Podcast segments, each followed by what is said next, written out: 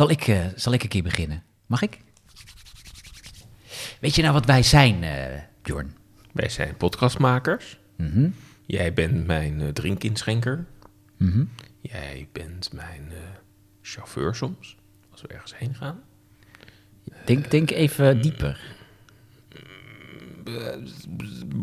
Ehm, Hè? Goed, het is de laatste keer dat ik de intro doe.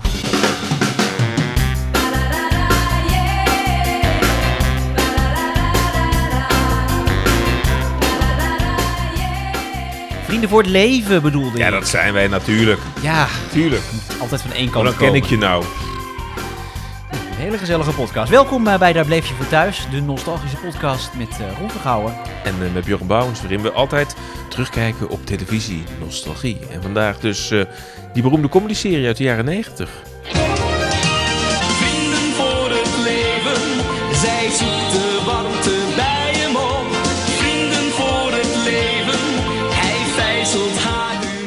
Een hele grote hit hè, van Danny de Munk in die tijd. Ja, wa- wat zo grappig is, is dat, ik weet niet waarom, maar voor mij zat Danny de Munk ook in de fase waarop, waarop die dacht van, god, laat ik lekker articuleren en alles. Nou, hij had toch eh, spraaklessen genomen om in die musicals van Joop van den Ende te kunnen eh, acteren? Ja, volgens mij wel. Dit is, dit is echt zo gearticuleerd. Vrienden voor het leven. Jij zoekt de warmte bij mij op. Vrienden voor het leven. Jij vijzelt mijn humeur weer op. Het grappige was die, die, die leader, dat filmpje wat dan gemaakt werd bij die, eh, bij die muziek. Dat begon altijd met een, een shot dat de twee hoofdrolspelers, hè, het, het koppel Eddie en Ellen, een armpje aan het drukken waren op een motorkap. Ja. Ik heb dat altijd heel raar gevonden, maar later, later, ik doe dat iedere dag. Want het had verder heel, dat was het enige shot dat niks met de serie te maken had. De rest van die beelden in die, in die, eh, in die lieden, dat waren gewoon fragmenten uit de serie. Maar dat eerste, dat was dus op zijn motorkap. Maar dat was dus gewoon omdat Citroën, het was een Citroën-auto, dat was een sponsor. Daar had, Ja, had Joop van den heel veel geld voor gekregen. Ja, want Joop van de Ende, hè, die, die dus Danny de Munk waarschijnlijk ook wel weer geregeld heeft voor die tune, dat was de producent van deze comedy-serie. Ja, hè? ja, die had gezegd tegen Danny, ja, je mag in een musical, maar dan moet je wel even gratis dit inzingen. Ja. Zoiets d- zal het wel geweest zijn. Dat is altijd een package deal.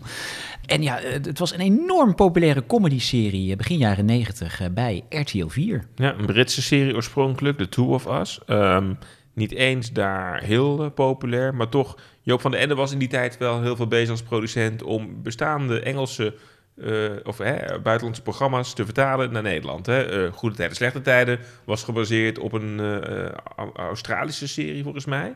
Ehm, het gebeurde ook met Onderweg naar Morgen, maar ook in comedy. En zo inderdaad de script van The Two of Us, dat was de basis voor Vrienden voor het Leven. Ja, ja, eh, later kregen we nog Het Zonnetje in Huis en Sam Sam. Die zijn ook allemaal gebaseerd op buitenlandse series. En deze dus ook. En ehm, ja, dit was een beetje het begin dat Joop van den heel veel voor RTL 4 ging maken. Had natuurlijk net dat die flop gehad met het Sterrennet, het TV10. En eh, nou ja, dit was een van de eerste dingen die echt voor RTL 4 maakte. En dat was een enorme hit. Een enorme hit. En, en waar ging het dan inderdaad om? Om eigenlijk een stel twintigers die eh, net eigenlijk eh, volwassen zijn geworden, gaan samenwonen. Ja, en zij vinden hun weg hè, in carrière, in de liefde, in trouwen, in kinderen. En wij groeiden een beetje op met Eddie van den Berg en Ellen van den Berg. Nee, Eddie Veenstra en Ellen van den Berg. Ja.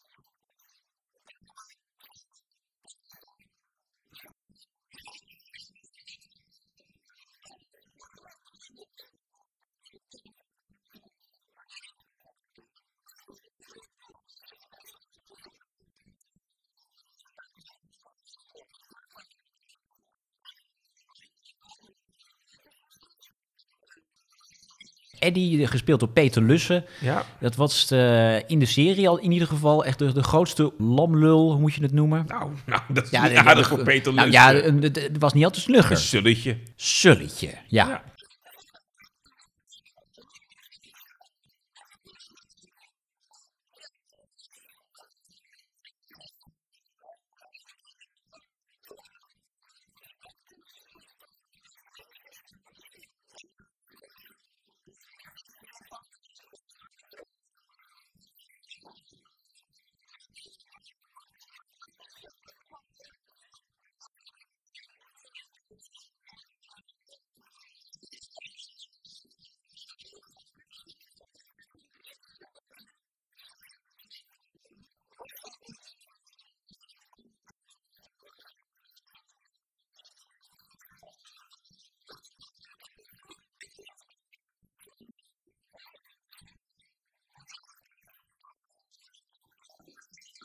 Peter Lussen in de hoofdrol met Meridou van Steenis als zijn tegenspeelster. En verder een vrij kleine cast eromheen. Eh, maar met wel echt ook, ook karakters die echt heel populair waren. Ja, En en zo- even nog even over Mirilou van Steenis, want die was eigenlijk al heel bekend in die tijd, want die had een grote rol gespeeld in Spijkerhoek. ook weer een productie van Joop van den. Ja.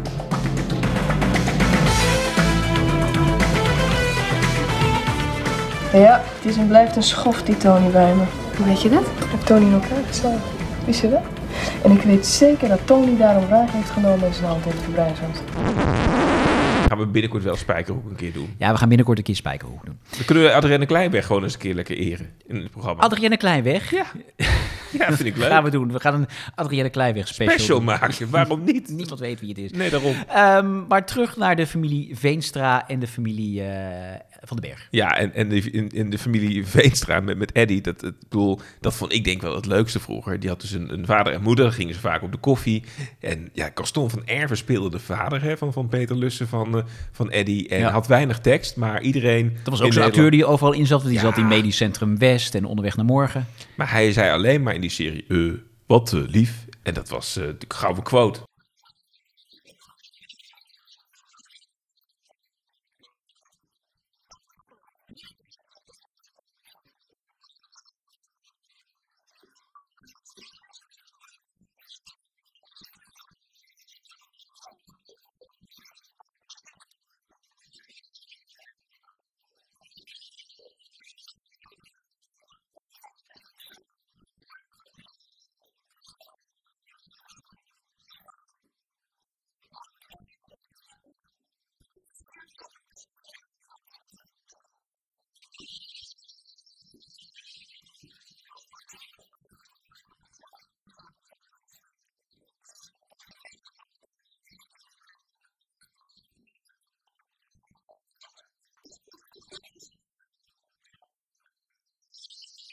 Eh, Maria Stigelus, die, die speelde zijn tegenspeelster. Ja, die ouders waren, waren legendarisch. En ook de opa van Eddie, dat was Edmond Klasse. Hè, Ja. Beroemde acteur.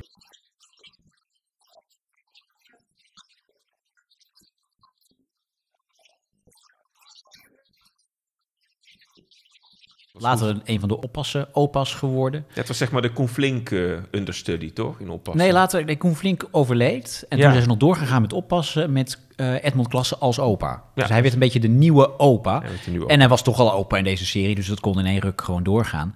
Maar het, was, het deed mij qua stramien altijd wel heel erg denken aan bijvoorbeeld Baantje. Wat ook een heel strakke eh, opbouw had. En waarin dezelfde soort scènes elke aflevering voorbij kwamen. Want je had inderdaad altijd een scène dat Eddie en Ellen op de koffie gingen bij de ouders van, eh, van Eddie. Met die twee. En er was altijd een scène dat eh, Eddie even een raad moest vragen aan zijn oude opa. Altijd op kantoor, even met, eh, hè, met, met, Met Paul, die, die collega. die collega die het altijd beter wist. En die Eddie eigenlijk nog, nog verder de afgrond intrapte. Ja. Zonder dat Eddie het door had vaak.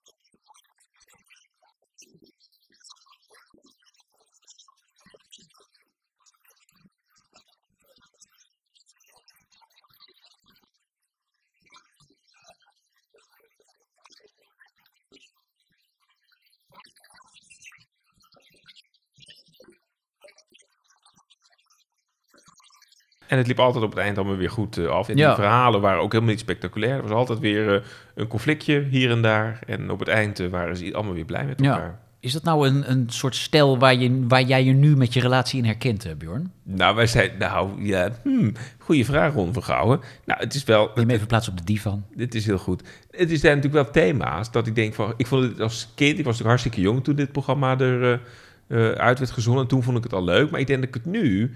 is het eigenlijk wel heel herkenbaar inderdaad. Want het, het, het, het, plot ging eigenlijk gewoon altijd over het feit dat Eddie iets deed wat Ellen niet Ja. leuk vond. Het was, Ja. het- het- en dan moest de relatie op het einde moest altijd Ja. weer gelijmd worden van dat ze elkaar toch leuk genoeg vonden om toch weer verder te gaan met elkaar. Nou, overkomt mij dat natuurlijk nooit, hè? Want Nee. nee, dat is niet zo. Maar, maar het zijn wel thema's die herkenbaar zijn. Inderdaad, ook. eh, ik heb natuurlijk een, eh, een, een, een klein, klein kindje hè, van, Hmm. eh, van één jaar eh, oud. Ja, dat, dat, dat, dat zijn ook thema's die in die serie zaten. Dus ik, ik denk ook als je het nu nog opnieuw zou maken met die thema's, dan is dat natuurlijk helemaal feest herkenning inderdaad. Van, eh, ja, hoe is het om samen te wonen en samen leven te delen en een huis eh, te hebben. Want hadden ze op het einde van die serie hadden ze ook een kind ja, volgens mij, toch? Ja, zeker. Ja. De tweede was onderweg zelfs op het eind. Oh, oké. Want ja, in mijn beleving heeft het jaren gelopen. Volgens mij, hoe lang heeft het gelopen? Vijf seizoenen. Vijf seizoenen. Vijf seizoenen van 13 afleveringen.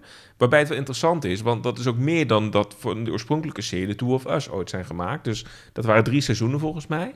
En het was natuurlijk zo'n grote hit hier in Nederland. En in, in Engeland was het al lang gestopt. En toen dachten ze van ja, we moeten natuurlijk wel het succes voortzetten. En wat interessant is dat ook Peter Lussen als hoofdrolspeler is toen ook heel erg die afleveringen gaan schrijven samen met anderen en gaan regisseren. Dus hij was eigenlijk gewoon het. eh, hij was zo aan dat, dat karakter van die Eddie. Daar was hij zo in gaan wonen eigenlijk met zijn hoofd. Dat hij heel makkelijk nieuwe situaties daarvoor kon bedenken. Ja, en, en, en dat deed ook niks af van de populariteit en de herkenbaarheid van die serie. Dat, eh, hij kon zich zo goed volgens mij ook dat personage inleven. Dat, dat, ja, dat ging gewoon fantastisch eh, door. Vijf jaar, ik denk dat het ook heel knap is dat ze op het hoogtepunt zijn eh, gestopt. Won de televisiering, zoals zo vaak programma's die we hier bespreken. Bijna elke uitzending. Ehm, maar echt, echt, het was eigenlijk ook wel het programma wat, eh, het won prijzen, maar het heeft ook echt de commerciële tv in Nederland op de kaart gezet. Want jij zei al, hè, Joop van den Ende, eh, was dit een van de eerste programma's die hij ging maken en meteen een grote hit. En in één keer dachten mensen van, wauw, op dat RTL 4, RTL 4, daar is echt nog wel wat te zien wat, wat leuk is. Vrienden voor het leven met RTL 4. Nou, dat was niet met alle programma's hoor. Want weet je dat bijvoorbeeld Vrienden voor het Leven deelde in het begin een avond samen met een eerste programma van Carlo Boshart. De gek van de weekshow. De gek van de weekshow. Dat was echt. Mensen schreeuwen nu al om een uitzending van onze podcast over Ja. dat programma. dat was eigenlijk was de gek van de weekshow een programma van maak een filmpje, trek een gekke bek, stuur het op en Carlo gaat er in de studio om lachen. Ja, dat was echt. eh, en zat Vrienden voor het Leven dan voor Carlo of erna? de na. En het grappige is dus, nou, de gek van de weekshow, dat kan niemand zich meer herinneren. En dat is ook echt het terugkijken niet waard. Nee. Maar uit het niks stond daarna toch eh, Vrienden voor het Leven op. Ja, maar mensen zijn dus wel massaal weggezept toen Carlo Boshart in beeld kwam. Ja, of teruggekomen bij Vrienden voor het Leven eigenlijk. Ja. Nee, dat zat erna. Wat zat er nou? Wat, Vrienden voor... Ja, op, moet opletten, de podcast. nee. Kom op, focus. Nee, nee, nee, let op. Ja. Ik leg het nog één keer uit. Ja. Eerst kwam de gek van de week Oh. show. En daarna... Nee, want ik kan, mij, ik kan mij eigenlijk volgens mij... Ik herinner me eigenlijk dat het... eh volgens mij was het op maandag werd het uitgezonden. Maandagavond. Dat het eh, om half negen na Goede Tijden, Slechte Tijden stond. En dat daarna dan Hit Bingo kwam. Ja, maar eerst was het dus negen uur na, na de gek van de week show. Oh, oké. En later werd het inderdaad heel goed onthouden. Het succesvolle avond met Goede Tijden, Slechte Tijden, Vrienden voor het Leven en Hit Bingo met Caroline Tensen. Ja. RTL 4. Nee, Natte haartjes op de bank. Maandagavond, hè? ik weet nog dat ik dat eh, elke maandagavond met mijn vader keek. Want mijn moeder ging op maandag altijd naar volleybal. Oh, echt waar? Dus eh, normaal was het, waren het avondjes in ons gezin dat we met z'n drieën televisie keken. Maar op de maandag ging mijn moeder dus naar volleybal. En zat ik dus met, alleen met mijn vader te kijken. En dat is mijn herinnering ook eh, aan die situatie van het kijken naar Vrienden voor het Leven. Want mijn leuk. vader was ook enorm fan van die serie. En heeft je moeder dan, eh, ging de videoband of de Betamax aan? Of heeft je moeder dan die serie nooit gezien? Volgens mij werd het wel altijd opgenomen, ja. ja. Anders, anders, anders mag, me, Ja. mag je moeder mijn dvd wel een keer lenen. Dat is. Nee, want ik weet nog wel dat mijn moeder het altijd wilde opnemen, maar zij vergat het dan altijd terug te kijken. En op het moment dat ze dacht, ik ga het nu eens terugkijken, had ik er weer ons eh, honeymoon show overheen gestaped of zoiets. Of wat, dan, wat ik dan nog ik dat opnam. Ik ga een dvd'tje binnenkort even afgeven. Ja, heel goed. Peter Lussen, van oorsprong cabaretier en nu heel populair op de televisie in Vrienden voor het Leven. Als je dan ineens, want jij bent dat toch vrij plotseling geworden, een bekende, gevraagde Nederlander wordt, is dat een vak daarnaast? Ja, dat is eh, Joop van der Ende, die zei dat een keer tegen mij. Die zei, je hebt nu twee beroepen. Je bent acteur of artiest, of hoe het dan ook allemaal mag heten. En je bent bekende Nederlander. En dat is misschien nog wel het moeilijkste beroep van de twee. Vind jij dat ook? Eh, ja, want dat is niet waar, ik, ehm, niet waar ik echt voor gekozen heb. Ik heb gekozen om te spelen en te schrijven. En eh, die hele poppenkast eromheen en zo, daar heb ik niet echt om gevraagd. Het hoort er wel bij. Maar ik ben er ook minder goed in, moet ik eerlijk zeggen. Ik vraag me ook iedere keer af waarom ik en waarom dit. Het, is, het- ja, ik weet, het went moeilijk, moet ik zeggen. Ja, die, die Peter Lussen, dat was natuurlijk een man die enorm eh, op de kaart werd gezet door dit programma. Was gewoon een van de grote sterren in die tijd. Maar hij had wel ook wat, wat psychische problemen tijdens het opnemen van deze serie. Want hij kon heel moeilijk omgaan met dat succes ook wat hij had. Hij had er heel veel eh, stress van en dat vond hij heel lastig om daarmee om te gaan. Maar hij heeft het wel eh, tot het einde, vijf seizoenen lang eh, volgehouden. Maar dat is ook wel één van de redenen geweest dat het ook niet daarna nog heel erg ver is uitgemolken. Nee, en terwijl Joop van de Ook als producent van deze serie toch echt wel talent in hem zag. En ook dacht van, goh, als Peter Lussen zo populair is, wil het verder brengen. Dit is de nieuwe André van Duin, de, de, de nieuwe comedyster eh, aan het Nederlandse firmament. Ja, en dat dat werd ook wel geprobeerd. Hè? Dus we zijn ook nog wel eh, eh, lekker lang lussen bijvoorbeeld. Was echt ook een Lekker lang lussen. Ja, een Heeft u de DVD thuis staan? Laat het ons weten, mensen. De personality show van Peter Lussen op RTL 4. Och, ja, nou kan niet wachten tot het op Videoland staat. Peter, je bent jarenlang bezig geweest om veel werk te krijgen in je vak. En toen het kwam, kwam het ook 200% Ja, het is nooit goed, hè, eigenlijk. Ja. Want je stortte ook vrij snel in toen, hè? Ja, dat is heel, dat is heel eh, wonderlijk. Heel nou, het was zo, ik zag aan de agenda al, dat zat vol. En dan komt er ineens een kans voorbij om zo'n serie te doen... waarvan ik meteen dacht, toen ik de Engelse tape zag... ja, dat is natuurlijk eh, je van het. En ja, dan laat je zo'n kans niet lopen. Ook al zie je aan de agenda dat het eigenlijk niet kan. En ja, dan wordt de rekening wel onder de deur doorgeschoven. Ja, maar je ziet wel dat, dat voor mij twee dingen. Volgens mij wa- was er een soort van zwiebertje effect. Dat mensen toch altijd bij Peter Lussen aan Eddy dachten van Vrienden voor het Leven. Hm. En het leek volgens mij ook wel zo dat Peter Lussen uiteindelijk zelf ook niet zich helemaal comfortabel voelde om de nieuwe André van Duin te worden en, Ja. en, en dat grote publiek aan te boren. En eh, daardoor is, zijn al die programma's niet lang op de buis geweest. En eigenlijk ook na twee seizoenen met wat probeersels, eh, ergens eind jaren negentig, ja, toen verdween Peter Lussen ook echt uit beeld. Ja, nou hij is wel, eh, later toen hij wel weer ook met zichzelf wat meer in het reinen zat en het wat, wat beter aankon, heeft hij het nog wel geprobeerd met een andere comedy-serie natuurlijk. Schiet mij maar lek. Schiet mij maar lek. Ja, schiet mij maar lek. Ja, ja, ik Ja. zie je opveren. Ja, die Ja. was je ook even Die vergeten, hè, meneer ik. Bouwens. Schiet mij maar lek, schiet mij maar lek. Schiet mij maar lek, schiet mij maar lek. Schiet mij maar lek, schiet mij maar. Nou, eh, schiet mij maar lekker. Schiet mij maar lek. Dat was een comedy die hij zelf bedacht had. Waar hij echt eh, hard voor had gevochten om die bij RTL 4 op het scherm te krijgen. Maar dat was, ja, was ook niet zo'n zo'n heel groot succes. Volgens mij ook maar twee seizoenen gelopen. eh, waar hij toch ook weer hetzelfde type speelde. Weer een sulletje. En toen zagen mensen, ja, maar nu is Peter Lus gewoon weer eigenlijk het, het, het kunstje nog een keer aan het doen. Daarna raakte hij een beetje in de vergetelheid. En hij, ging wel, hij bleef wel een beetje in het amusement, maar hij is echt eh volleerd ook eh, operazanger. Gaan we dat nu beluisteren? Ik denk het wel, als er een windje valt, dan luister je het meestal wel in. Der Vogelfänger bin ich, ja steht lustig heißer Obsassa. Ich Vogelfänger bin bekannt bei alt und jung im ganzen Land. Nou, prachtig hoor. Ik doe het hem niet na. Kan die jongen zingen, hè? Weet je hoe hij ooit begonnen is bij de televisie? Eigenlijk, hoe hij eigenlijk ontdekt is? Zat hij niet in een commercial? Een chipsreclame. Ja? Oh, dat spreekt me aan, vertel. Komt er zo'n eigenheimer van de Smits naar mij toe? Of dat ik jullie even kan laten ruiken en proeven... totdat die nieuwe crispy chips van Hunnie in dat nieuwe zakje... dat die nog weer verser zijn? Ik zeg, ruiken en proeven. Ik zeg, this is TV, man. Zegt die piepersnijer van de Smits, zegt hij tegen mij... maar je kan het toch laten horen? Ik zeg, alright jongen, laat ik het toch even horen. Nieuwe crispy chips van Smith. Ze smaken zoals ze kraken. U is toch wel verzekerd? Ja, zo'n groot succes. Ik, ik zat wel te denken, Ron. Zou, zo- er zijn weinig comedies eigenlijk, hè, nog in Nederland. Hm. Zou dit nog kunnen, deze serie? Een remake? Ik denk als je de juiste mensen erop zet. Kijk, het is gewoon een, een, een situation comedy, sitcom, over eh, ja, dingen die er gebeuren in een relatie. Dus dat is van alle tijden als je dat een beetje goed omkleedt met eh, de dingen van, eh, van nu. Ik denk dat het heel goed kan werken. Ik denk dat die thema's inderdaad zo universeel zijn. Hm. En van alle, dat dat echt wel goed zou kunnen werken. Dus ik zou het wel leuk vinden hoor, een remake van Vrienden voor het Leven. Maar dan ga je toch denken, wie gaat dan nu de rol van Peter Lussen spelen? Ja, ja. Jij suggestie? Ja, even denken. Hm. Nou, misschien het totaal andere hoek, maar Ahmed Akabi. Leuk. Met die eh Ja. van Mokro Mafia en allerlei speelfilms zit Ja. Ik zit ook even te denken van, ja, hoe breng je dat nu naar het nu? Ja, je kunt wel, wel, wel weer een, een witte man nemen, maar ik denk dat je daar, eh, dat daar wel een heel leuk koppel voor kunt krijgen. Ook Nou, Peter Lussen als de vader. Maar dat is misschien met Ahmed Akabi ook ingewikkeld. Dat is een beetje lastig. Nou ja, moeten we even uitwerken. Ja, de- we, moeten hier, we gaan hier na de uitzending gaan we hier, eh, gaan we hierop door. Maar de sterren geven we natuurlijk op Vrienden voor het Leven. Het origineel. Nou Bjorn, 1 tot 5 sterren, zeg maar. Het is, het is echt een, een, fantastisch leuk programma. En we hadden het er net ook over, hè, dat, dat dat thema echt van alle tijden is. Maar de scripts zijn goed, de acteurs zijn goed. Alles klopte aan, aan dit programma. En dat is eh, ook 30 jaar later, is het programma volgens mij nog steeds goed. Het is traag, hè? Het, het is niet helemaal meer herkenbaar in deze tijd. Je denkt, waar zijn de mobiele telefoons gebleven? Maar die comedy die staat eigenlijk nog steeds aan een huis. Dus ik eh, ga eens lekker vandaag los. Vrienden voor het leven krijgt van mij vier sterren. Niet 5. Vier sterren. Niet 5. Vier sterren. Niet Ik vijf. zeg toch vier sterren. Ja, oké, sorry hoor. Ja. Ron, hoeveel eh, sterren krijgt de Vrienden voor het leven van jou? Ik geef 4 sterren. nou, geen vijf. Nee, geen 4. Hmm. Eh, mm, eh, mm, vijf. 4. Vier. Ja. Ja. En wa- waarom? ja, het is wel een beetje saai dat we altijd hetzelfde aantal sterren geven. Hè? Ja, dat vindt notaris Driessen Zal ook. ik er gewoon eh, eens één geven nu?